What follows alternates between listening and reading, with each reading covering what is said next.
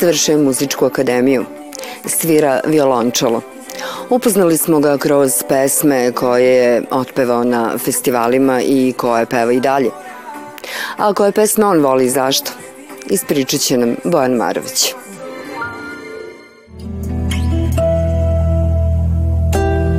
pjesmama ti nemaš ime Još odolim da riječima te ogolim Ta jedna noć sa dvije tišine Ispisujem ti o svetu ko po svetu Bojane, dobrodošao u emisiju Tri note. Bolje te naš. I pričat ćemo danas o tri pesme koje si izabrao, koje voliš. I naravno pričat ćemo onome šta radiš i šta si radio do sada. Sa prvom pesmom možemo da krenemo. Oliver Može. Dragović i Može. gde to piše. Zašto je izbor i kakve emocije, šta te vezuje za nju? Pa zato što ta pjesma je... mm, Ja kad se prvi put čuo, bio sam u fazonu kako se nisam ja sjetio ovoga teksta. Znaš, ono, kako se nisam sjetio ove ideje, jer kao, mi stalno kažemo u, nekom našem, ja kažem, narodnom jeziku, kao gdje to piše, gdje to piše da će to tako biti, znaš.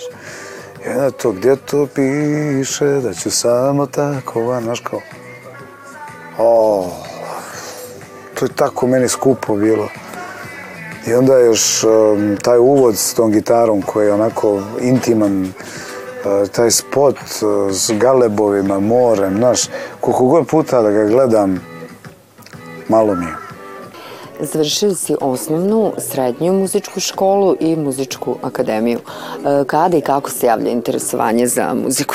Ja sam uvijek naginjao ka tome da učim, da radim, znaš, bio sam štreber opasan.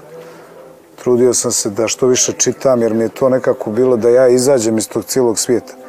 Inače, ja potičem iz sportske porodice, znaš, otac bokser, pokojni stric, pokojni bokser, reprezentativci Jugoslavije, onda su ljudi mislili da ću ja da idem u tom smjeru kao bokser.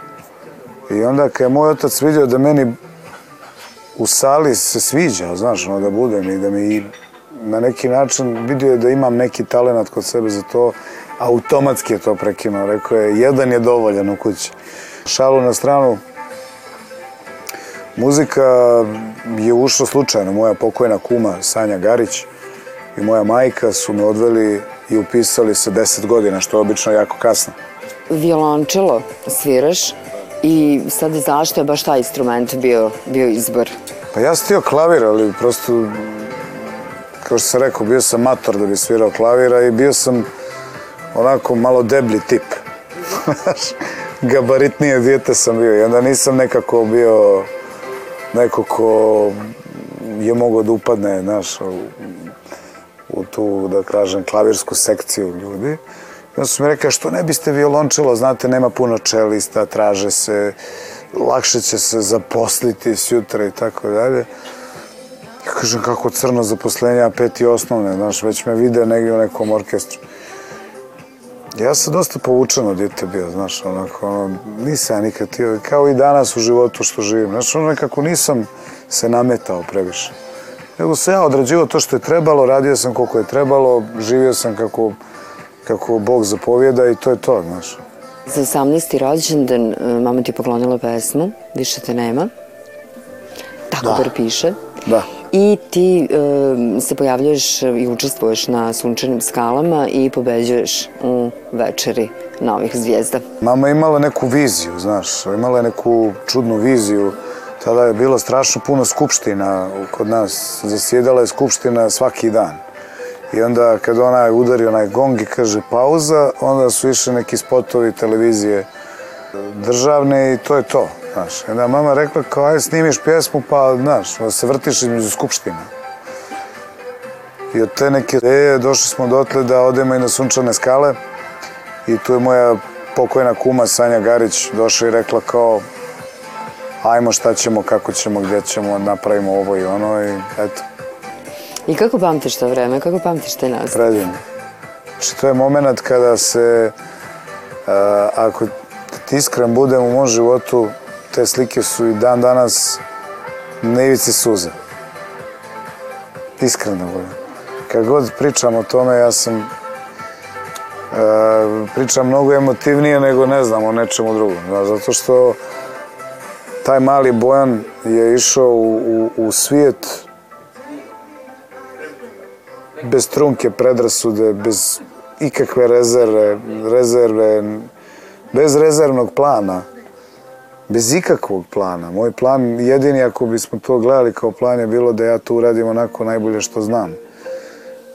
Da predstavim pjesmu koju su isti ti ljudi sa Sunčanih skala odbili i rekli da ne valja. Moj životni put nekakav od prvog dana je bio drugačiji. Od samog školovanja gdje su mi govorili da nisam talentovan za muziku, malo pa malo, 20 godina, evo mene sad ovdje s vama. Gdje to piše da ću samo tako van iz ove priče. Kao djete naiva gdje to piše? Da se upišem i sam među bivše mora postojati red Kakva pesma mora da bude da bi ti se dopala? Šta mora da ima? Emocije su, ja mislim, sastav svake ćelije, ono, kod svakog od nas. Znaš, kad kažu nekoga on je emotivan, ja mislim da je to pogrešno, svi smo emotivni ljudi. Kod nas je ta krv uvijek vrela, kod nas je uvijek ta duša, ono, ko planina. Muzika je ta koja nas spaja. Znaš, moja muzika se sluša i u Bosni, i u Makedoniji, i u Srbiji, i u Crnoj Gori, i u nekoj... Evo, skoro sam vidio da sam bio na nacionalnoj listi Švedske i Norveške. Prepoznaju se u tim stihovima, a ja... Na meni je da radim. Nisi imao ni 20 godina kada se dolaziš u Beograd e, i počinješ ovde da živiš. E, koliko je bilo teško ili lako u tom nekom periodu, u tom nekom uzrastu doneti jednu tako veliku odluku? I kako si se privikavao na Beograd? Ja sam shvatio u startu da e, ako želim napredovati moram da budem e, u samom jezgru nekih ljudi od kojih mogu to da naučim. Ako sam želio da čujem kako treba da se svira gitara, onda je Joza Boček bio logičan slijed stvari, jel? Ako sam želio da čujem kako izgleda dobra violina, onda je tu bio profesor Uroš Pešić. Ako sam trebao da čujem ovo ili ono, znači, znaš, ako sam htio pogledam dobru, recimo, predstavu, onda sam znao gdje treba da idem, znaš, ono, vodio sam se nekom tom mišlju. A da li je bilo lako? Nije bilo lako. Ja sam bio dijete koje je imalo dva kofera u ruci, došao sam u grad od 2-3 miliona ljudi i sad ti nešto kao si bitan. Nisi bitan uopšte.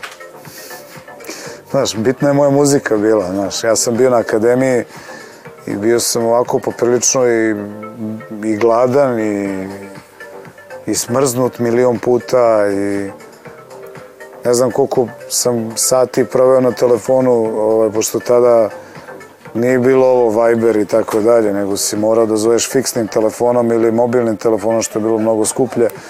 Pa sam onda zvao majku i to su bili maratonski razgovori po, po dva, tri sata, kuknjave. Ja ovo ne mogu, da ovo nije za mene, da mi je teško, da ovako, da onako. Ne znam, sad kada bih uzao da ulazim u detalje, emisija bi vam trajala jedno pet sati. Netko vuče deblji kraj Ovog puta nisam taj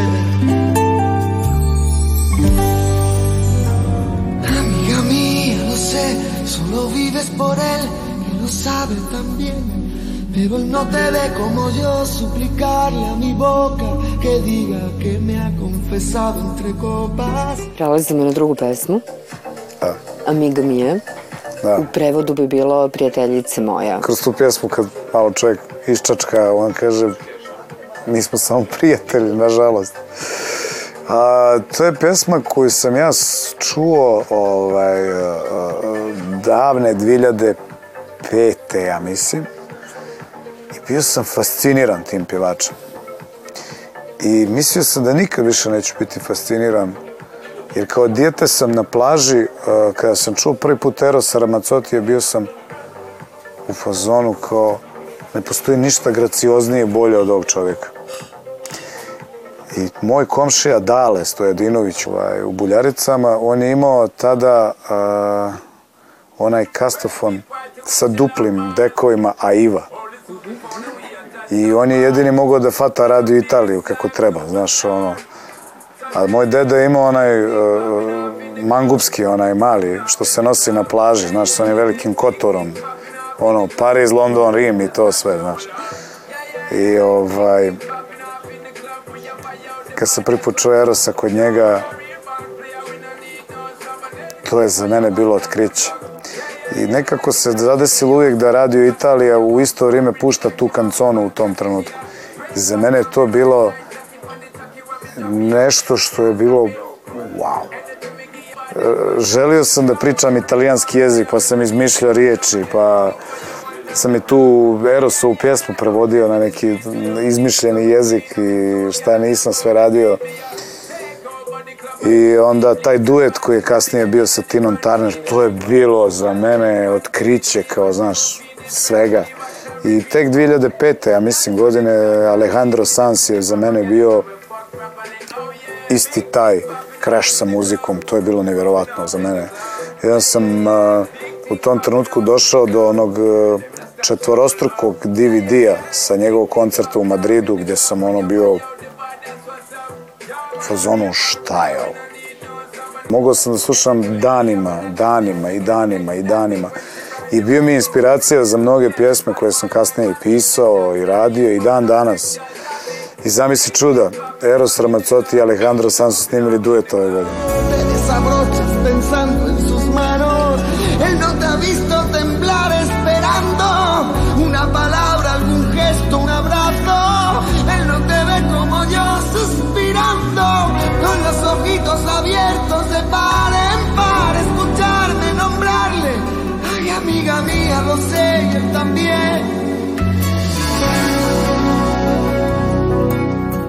Šta neko treba da ima da bi ti bio prijatelj?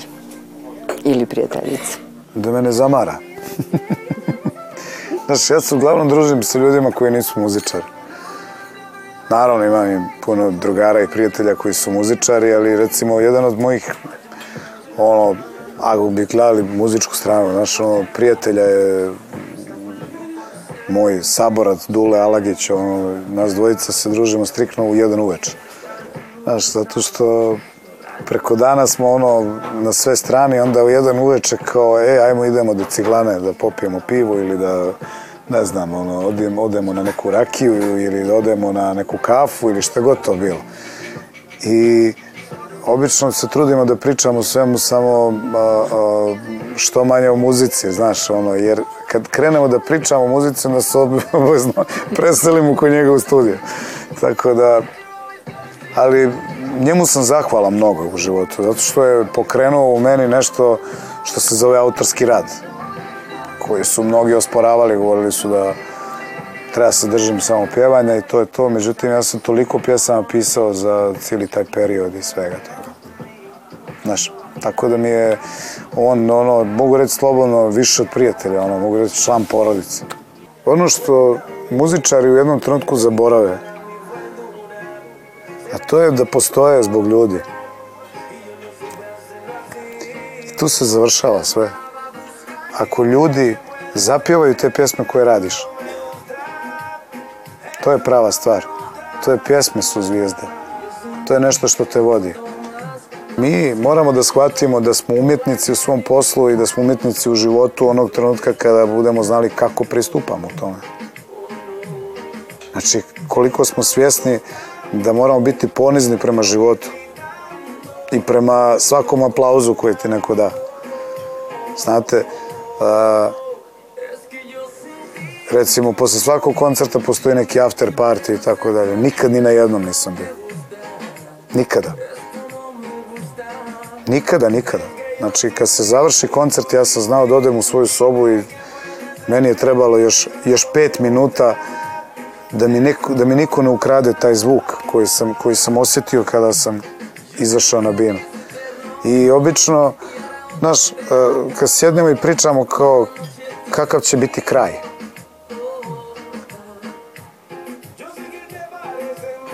Ne, ne postoji kraj. Kada bi se opet rodio, ne bi mi bilo žao da prođem opet kroz isto.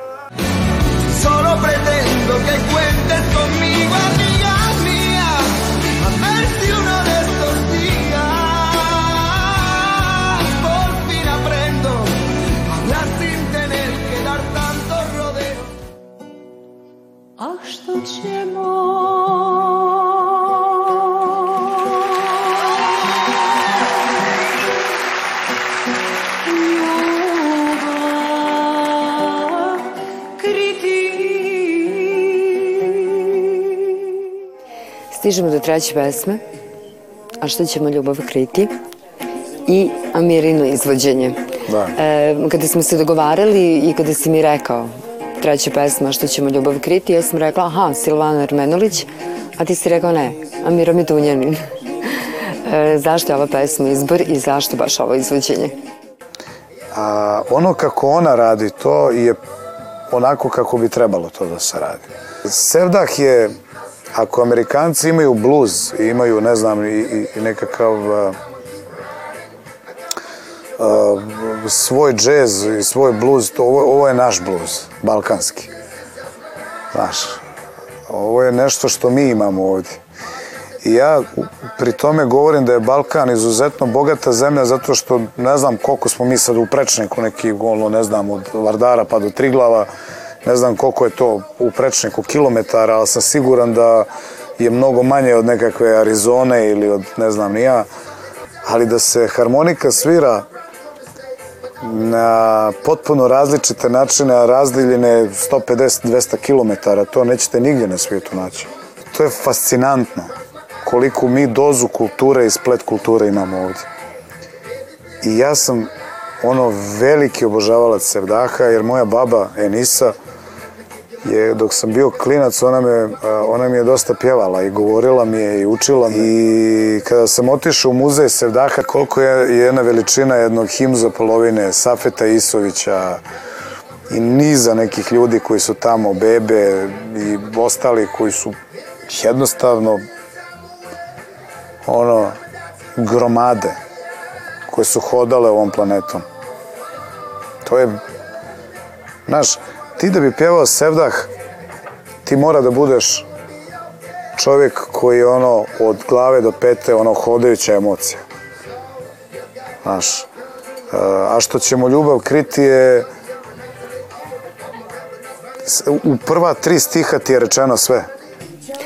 Pesma o kojoj pričamo, evo par puta smo i pomenuli, zove se Što ćemo ljubav kriti. Kriješ ljubav ili je pokazuješ? Nikad ne krijem. Ja sam ono čovjek koji um, i zaplače na koncertu i mislim da ti kažem nešto, više te nema je pjesma koja je kad me neko pita koja ti je najdraža tvoja pjesma, ja uvijek kažem više te nema.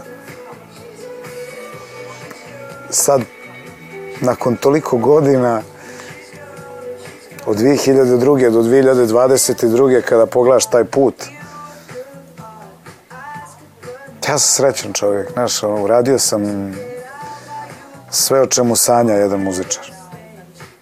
Stvorio sam muziku oko koje se ljudi okupljaju. Šta ja više u životu da tražim? Da mi treba nešto više? Ne. Ja sam srećan zbog toga. jer srce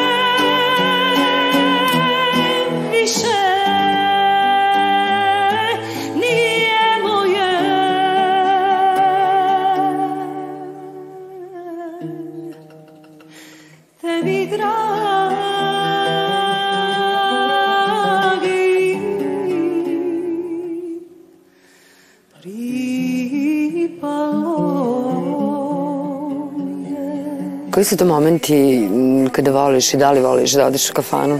I šta je za tebe dobar provod? Ne volim puno kafanu, iskreno. Ne. Mislim, ne volim. volim da odem, ali nisam neko ko se veseli tom odlasku, jer ja znam kakav je odlazak iz te kafane, znaš. Volim da odem tamo, ali znam kako kad moram se vratiti. Jer upravo, evo, ove pjesme koje smo stavili, eto, da ljudi vide, koje smo odabrali, jasno vam je da u toj kafani gdje se nađem, kakva će muzika se svira. A to znači da se neću vratiti kući u jedan ili u dva, nego ću se vratiti u popodne jedan ili dva. I vjerovatno ću biti bez dinara u džepu, jer ću vjerojatno sve potrošiti i tako dalje, ali mi nije žao. Jer što kaže Toma Zdravković, o, odlazak u kafanu je ula- ulaganje u sjećanje, znaš. Ja mislim da je to za muškarce jedina slobodna zona. Znaš, ono, tu se ličiš od, e, od, od mnogih stvari koje ne možeš da izgovoriš čak ni u svoje četiri zida. Da li ima pesama koja te prate kroz život? Ne znam, recimo od Olivera Oprosti mi pape je prva pjesma koju sam ja čuo u životu.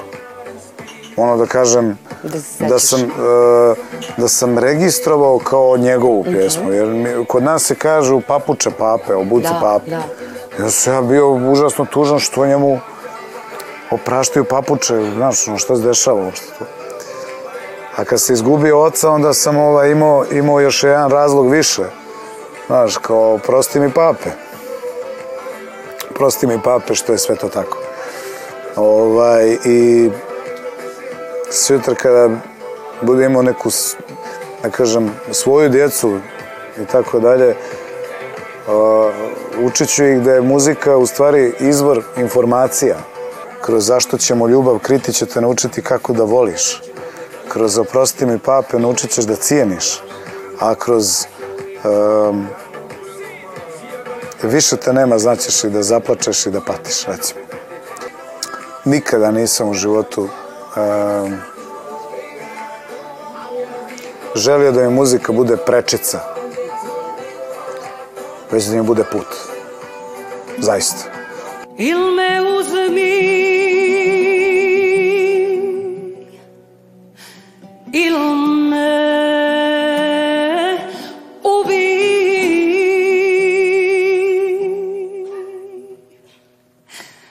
Ne daj drugo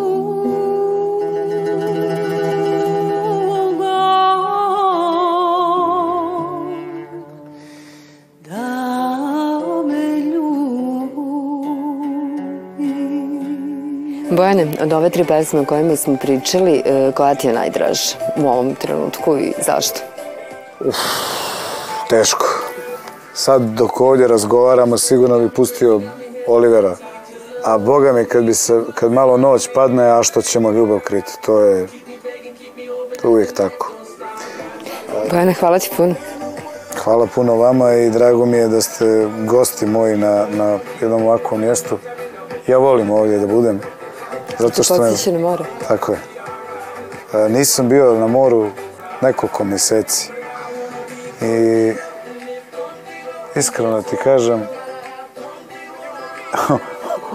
o- ovo, ovo ovdje što vidim, stalno, ne znam jeste primijetili, ali stalno okrećem glavu jer ne mogu, stalno me vuče voda, znaš, voda me vuče i a, nekako volio bi kada, u dubokoj nekoj starosti da provedem pored mora. Znaš, uz neku koju ću da prevarim, da se uda za mene i da budemo, znaš, ono neđe skupa tamo i da budemo onako uz neku bocu vina svaki dan i, i, i da nam život prolazi u miru. Kad se vratim s koncerta da budem opet tu i da to bude sve nešto lijepo. Pa evo, ja ti želim da ti se to ostvari Hoću. i da Polako. sada neću da kažem koliko godina, ako se, kad se ponovo sretnemo, da mi kažeš, e, imam kuću na moru i imam sve ono o čemu sam ti pričao. Sve je spremno, samo, samo još da se, da se ovaj, krenu ti detalji da se ostvaruju i to je to. Sve prođe u životu, ali prave stvari ostaju. Hvala ti puno. Hvala puno vama.